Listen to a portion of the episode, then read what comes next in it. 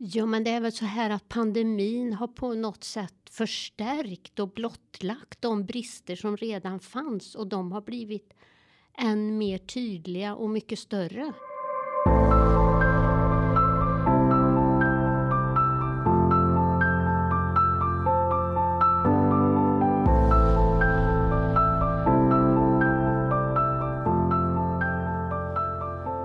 Hej och välkommen till Agera-podden. En podcast där vi på Agera Värmland tar upp frågor inom mänskliga rättigheter, demokrati och diskriminering. Och allt med ett särskilt fokus på Värmland. Och med idag är jag, Nine Karlsson Norman. Och så har jag också med mig Monica Ekström, ordförande i Funktionsrätt Värmland. Hej Monica! Hej Nina! Det är ju en solig och fin och snöfri vinterdag här idag. Men kallt. Eh, kallt, mycket sant. Eh, och första advent närmar sig ju. Mm. Och sätter man på radion nu så är ju chansen stor att man får höra en julsång. Ja. Har du fått några julkänslor än eller hur ligger det till? ja, lite grann sådär. Jag har bakat pepparkakor Mm. och saffransbröd och tagit fram ljusstakar och stjärnor. Ja, ute i god tid. Ja, det gäller att vara ute i god tid. Ja, vad härligt. Du själv då? Ja, jag vet inte riktigt. Jag tror inte jag fått de här riktiga julkänslorna än. Känns lite tidigt, tror jag. Men eh, på söndag kanske. Mm, Då kommer det. Ja, jag tror det. och vi har ju bjudit in dig här idag för att prata funktionsrätt. Mm. Det vill säga mänskliga rättigheter utifrån perspektivet rättigheter för personer med funktionsnedsättning. Och det är ju så att vi har levt här nu i en tid med en pandemi i snart två år. Och det har ju försvårat och påverkat våra liv i en väldigt stor utsträckning. Och här vet vi också att personer med funktionsnedsättning har drabbats särskilt hårt på olika vis. Och samtidigt så har ju också arbetet med att förverkliga FNs konvention om rättigheter för personer med funktionsnedsättning, funktionsrättskonventionen, mötts eh, med ganska stor kritik från civilsamhället. Och det här visar ju bland annat granskningen Respekt för rättigheter som kom förra året. Så att det här är ju lite kontexten vi har eh, liksom idag. Så jag tänkte börja med att, fråga dig Monica, vad säger Funktionsrätt Värmland om pandemins inverkan på rättigheter för personer med funktionsnedsättning? Ja, men det är väl så här att pandemin har på något sätt förstärkt och blottlagt de brister som redan fanns och de har blivit än mer tydliga och mycket större. Eh, alltså, för det är ju många utav våra grupper som är eh, sköra personer, alltså just utifrån smittsynpunkt då, om vi pratar om det det. som har ställt till det. Och det får ju också ekonomiska konsekvenser, väldigt grava ekonomiska konsekvenser utifrån att det kan ju faktiskt vara så att det är en anhörig som jobbar men har en anhörig som har en, en svår funktionsnedsättning eh, som gör att man inte kan bli smittad för då, då, riskerar man livet kanske. Och det här har ju då inneburit att de här personerna har fått varit hemma från jobbet. Mm. Eh, Jag har också exempel på där man har eh, barn som eh, har fått eh, nästan flytta hemifrån. Man har fått hyra en egen lägenhet åt barnet för att det skulle få ett så norm- normalt liv som möjligt. För att den ena föräldern är svårt sjuk. Mm, just det. Och jag tänker att eh, utmaningarna som, eh, som man kan ha stött på under den här liksom, tiden eh, är väldigt många. Det finns några liksom, där liksom, extra stora utmaningar som ni har stött på. Um, Ja, och daglig verksamhet som, Mm. inte har, som har ställts in. Alltså det får ju enorma konsekvenser för, Mm. för personer med funktionsnedsättningar. Så att på något sätt så har pandemin blottlagt de brister som vi redan såg fast de har blivit ännu större. mm, just det. Har ni kunnat arbeta annorlunda under den här tiden för att liksom försöka stävja ehm, lite grann? Eller har ni, har ni också varit bundna liksom, kring allt vad det här med pandemin har inneburit? Ja, alltså det är ju så, alltså, om vi ser på Funktionsrätt Värmland, vi är ju en medlemsorganisation då som har Idag har vi faktiskt 38 medlemmar. Vi fick tre Ja. nya medlemmar här i veckan. Ja, vad roligt. Ja, eh, så det är ju de som är medlemmar hos oss, det är ju föreningar då. Så det är ju inte privatpersoner utan föreningar som finns alltså på Värmlands länsnivå. Eh, och vi, våra möten med dem har ju, alltså allt har ju varit digitalt. Mm. Men vi har också, vi sökte ju pengar från Region Värmland. De hade ju just på grund av pandemin extra pengar att söka för idéburna organisationer Mm. inom och då var det specifika områden varav ett var då eh, ofrivillig ensamhet. Och då sökte vi faktiskt för att kunna utbilda våra medlemmar i att kunna ja, i de digitala verktygen helt enkelt. För att man inte ska liksom stoppa upp utan man ska kunna fortsätta att träffas. Precis. Och det har det har ju verkligen varit en omställning eh, liksom från det, det fysiska till det digitala.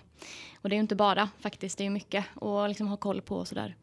Eh, men det har väl också varit lite av en fråga just kring tillgänglighet och de digitala verktygen. Eh, för ofta kanske vi tänker att ja, men, att kunna ses digitalt, det ökar ju tillgängligheten. Det gör att vi kan ses lite grann vart vi än är och vi behöver inte förflytta oss så att säga. Men eh, för personer med funktionsnedsättning så kan väl det också innebära begränsningar med de Ja digitala. men absolut, men det kan också vara tvärtom Mm. för att man liksom eh, slipper att förflytta sig och allt det utan man kan vara hemma och det, Mm. det, det ökar ju tillgängligheten för oss alla. Men sen finns det ju också vissa grupper som kan ha svårt med de digitala verktygen överhuvudtaget och så ser det ut i samhället. Mm. Alla förväntas ju ha en smartphone eller en, en dator eller någonting och du ska logga in med mobilt bank-id. Men för många är ju det här helt...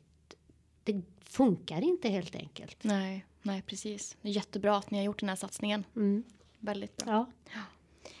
Har ni något särskilt fokus hos er i, i liksom arbetet som bedrivs nu framåt liksom i, i spåren av pandemin eller hur har ni rustat er på något sätt?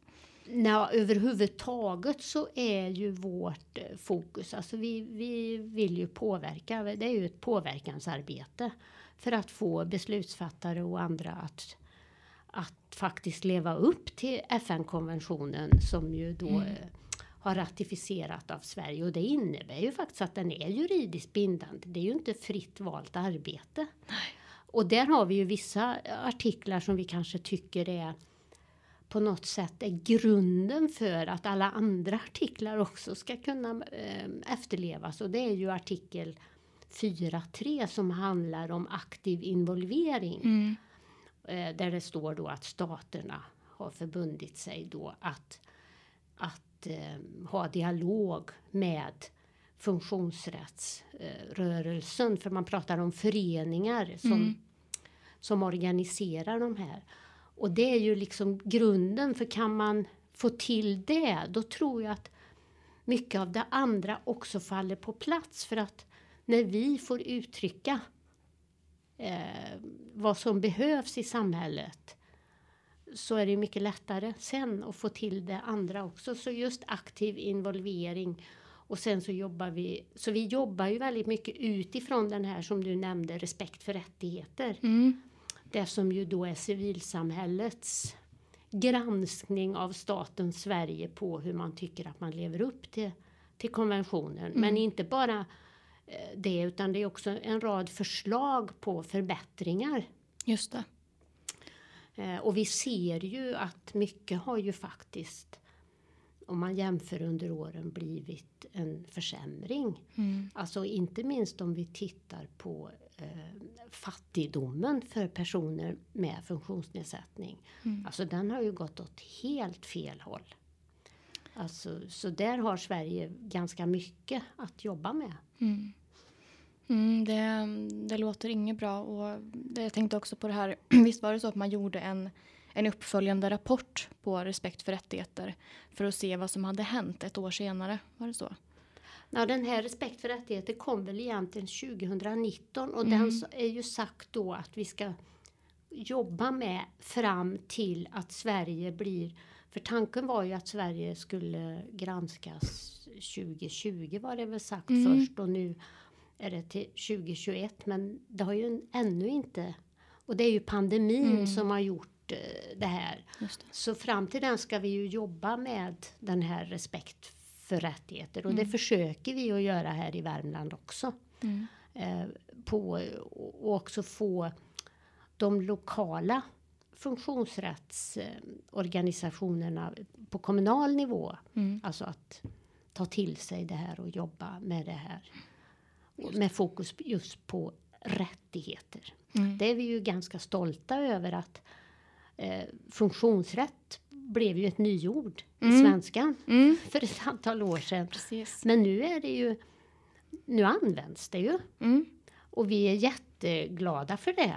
Alltså, och vi ser ju också att de kommunala funktionsrättsråden, många har ju bytt namn och Mm. man kallas, de som jobbar med det kallas funktionsrättshandläggare eller strateger. Just det. Så man har ju verkligen tagit till sig det här och Mm. det tycker ju vi är, oerhört positivt. Mm. Ja, det förstår jag. Jag tycker själv också att det är ett väldigt bra begrepp för att det belyser ju just vad det är det ska handla om. Det vill säga Precis. rättigheter Ja, eh, och att ha det här rättighetsfokuset. Så Mm. att eh, ja, det ska ni ju verkligen vara stolta över. ja. Mm. Att ha fått igenom det begreppet.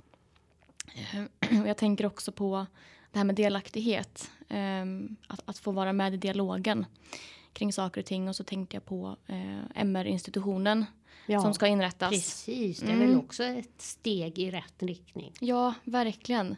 Så att samtidigt som vi, vi liksom ser även i liksom egenskap av antidiskrimineringsbyrå att det finns utmaningar givetvis också i spåren av pandemin så sker det ju också ganska mycket just nu.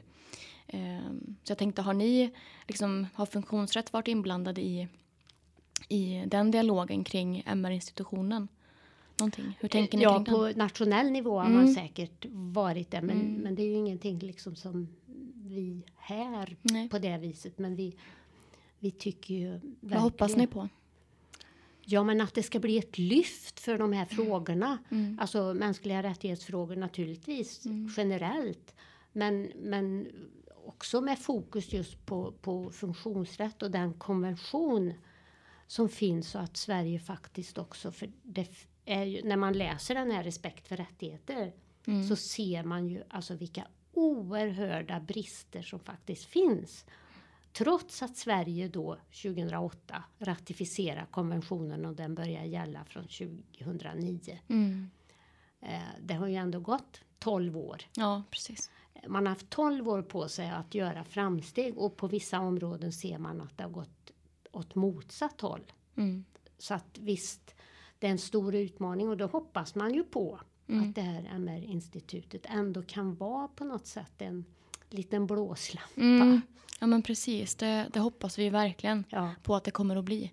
Eh, och just det här med funktionsrättskonventionen och efterlevnaden av den eller liksom förverkligandet av det är också väldigt intressant eh, utifrån det juridiska perspektivet tycker jag då som, som är jurist. mm, Eh, för det här är ju, det är ju internationell juridik och internationella lagar och precis. avtal. Mm, Och det, det gör ju liksom alltid det hela mycket mer komplicerat när det sen ska överföras eh, till liksom, ja, men svensk lag eller överhuvudtaget genomföras i, i de olika länderna som har skrivit mm, på. mm.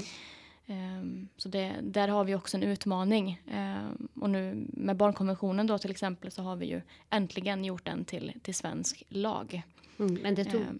30 år. Ja, precis. Ska vi vänta 30 år då blir Nej. det 20, 38, Ja. 39 någon Nej, gång. precis. Nej, vi kan inte vänta så länge. Nej, det kan vi ju nej, liksom nej. inte göra. Så att, ah, är det här någonting som ni pratar om? Alltså, vad, vad tror ni att den effekten skulle kunna få om även funktionsrättskonventionen överfördes till jag svensk lag? personligen tror jag att det, det skulle få eh, en större vad ska jag säga, slagkraftighet. Mm. Men, eh, men man måste ju ändå komma ihåg att i och med att man har ratificerat så är det ju inte fritt valt arbete. Nej. Man har ju ändå påtagit sig det här ansvaret att leva efter konventionen och se till att förverkliga det som står. Mm. Och vissa saker kan vi ju ändå se. Jag tänker på det här med Alltså idag pratar vi pratar om universell utformning. Mm. Eh, och det, det känner vi ändå nu att eh, det är ett begrepp som fler och fler pratar om. Just det. Eh, Och det är ju positivt. Mm. Alltså att, att man vet vad som menas med universell utformning Ja, idag. Och att eh, det finns ju ändå, och man har ju till och med inom skolans värld tagit till sig det här, alltså att man ska jobba med universell utformning. Och då pratar vi inte bara om den fysiska utan också Mm. i lärandet. Just det. Att man kan jobba med det. Alltså att man ser att den individuella variationen är det som är normen. Ja. Alltså vi är ju olika. Du och jag är ju inte lika. Nej. Du är yngre än vad jag är och jag är äldre. Alltså Ja. det är ju så. Va? Ja. Det, det, alltså vi, vi är alla olika personer men man Mm. måste tillåta den här olikheten och Mm. jobba utifrån det. Och i skolans värld tror jag det är extra viktigt. Just det. Det här att vi alla ju lär oss på olika sätt. Olika inlärningsstilar liksom. Ja. Mm, just det. Ja men vad, vad härligt att höra för det var faktiskt någonting jag hade tänkt fråga dig om. Mm. Om ni liksom ser att universell utformning är ett begrepp som man börjar känna till.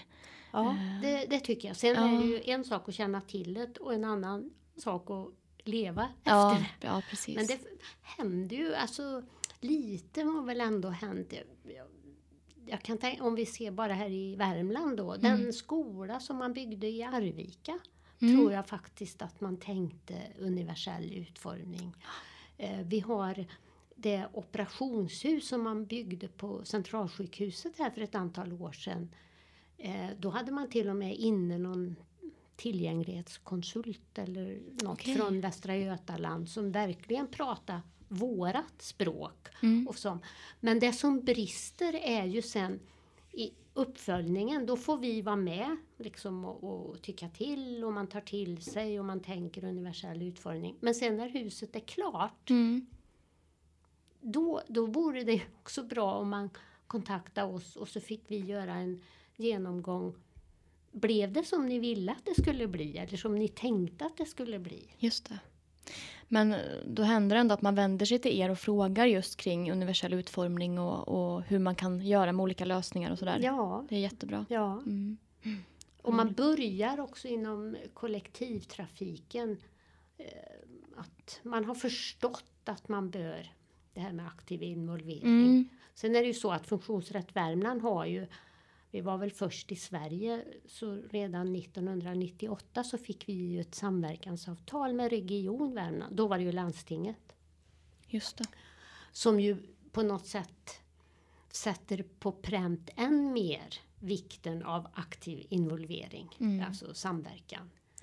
Eh, så mm, där har ju, och där finns det ju jättemycket i övrigt att önska naturligtvis. Men det finns ändå vissa verksamheter som jag tycker har förstått. Mm. Och, och det här att det är bättre att fråga en gång för mycket än en gång för lite. Mm. Ja, För ibland precis. så kan vi ju tycka om man ska bygga vägar, ja kanske inte riktigt är våran fråga. Nej. Nej, precis. Det, det är ju väldigt många eh, liksom aspekter och olika samhällsområden som, som kan tillämpa den här Ja, principen. Så att Ja. Mm. det blir ju väldigt brett. Eh, men eh, ja, det här begreppet är också ett sånt begrepp som jag tycker är så himla bra. Och jag vet inte om, om det stämmer, men jag skulle väldigt gärna vilja tänka på universell utformning som ja, men både ett mål och en, en metod. Liksom så. Ehm, och vi då som, som jobbar mycket kring diskrimineringslagen eh, har ju, liksom, tänker ju mycket kring det här med att förebygga eh, diskriminering. Och där har ju arbetsgivare och skolor Mm. eh, ett särskilt ansvar. Och Mm. vi har ännu fler regler så att säga som gäller på de områdena. Mm. Så här tänker jag att, att universell utformning är ett jättebra begrepp att kunna. Och att eh, också arbeta efter när man förebygger i, ute i verksamheterna. Ja men absolut och här har ju MFD, Myndigheten för delaktighet, har ju jättemycket som man kan kan eh, delge, tänker jag Mm. också, i, när det gäller kunskap och kompetens. För att jag tror att man måste höja det också ute i kommuner och regioner och, så. Och även andra, eh, näringslivet också, behöver tänka till. Alltså, eh, för det är ju ett nytt sätt att tänka. Mm. Fast ändå är det ju inte så nytt för jag tänker så här att vi har ju idag, vi har fjärrkontroller, Ja, just det. vi har engreppsblandare på, på våra vattenkranar. Mm. En gång så var ju det gjort just för personer som kanske hade svårt att öppna kranarna och vrida på dem. Så gjorde man det. Men nu är ju det standard. Precis. Det är ju universell utformning. Ja, just det. Ja, och det här med knappar för att öppna dörrar Mm. på i affärer och Mm. andra ställen. Det var ju också tänkt för personer som inte själva kunde öppna dörren. Mm. Men det är ju bra för oss allihop när man kommer med kassar och Ja, barnvagnar visst. och allting så är det jättebra Mm. att kunna trycka på en knapp och så går dörren upp. Ja, jättepraktiskt. Ja. Är nödvändigt för, för vissa och bra för alla. Skulle man kunna säga. precis. Att det är det tänket det liksom handlar om. Ja, Mm. Monica, det här får bli de avslutande orden för vårt samtal. Tiden går fort. Ja, det gör det verkligen. Det går fort när man har roligt. Ja. Eh, Så då får jag tacka för dagens samtal och tack till dig som har lyssnat. Kolla gärna in Agera Värmland på sociala medier. Vi finns på Facebook, Twitter, Instagram och LinkedIn. Du hittar även mycket information på ageravärmland.se. Tack så mycket till dig Monica. Tack så mycket själv. Hej då! Hej då.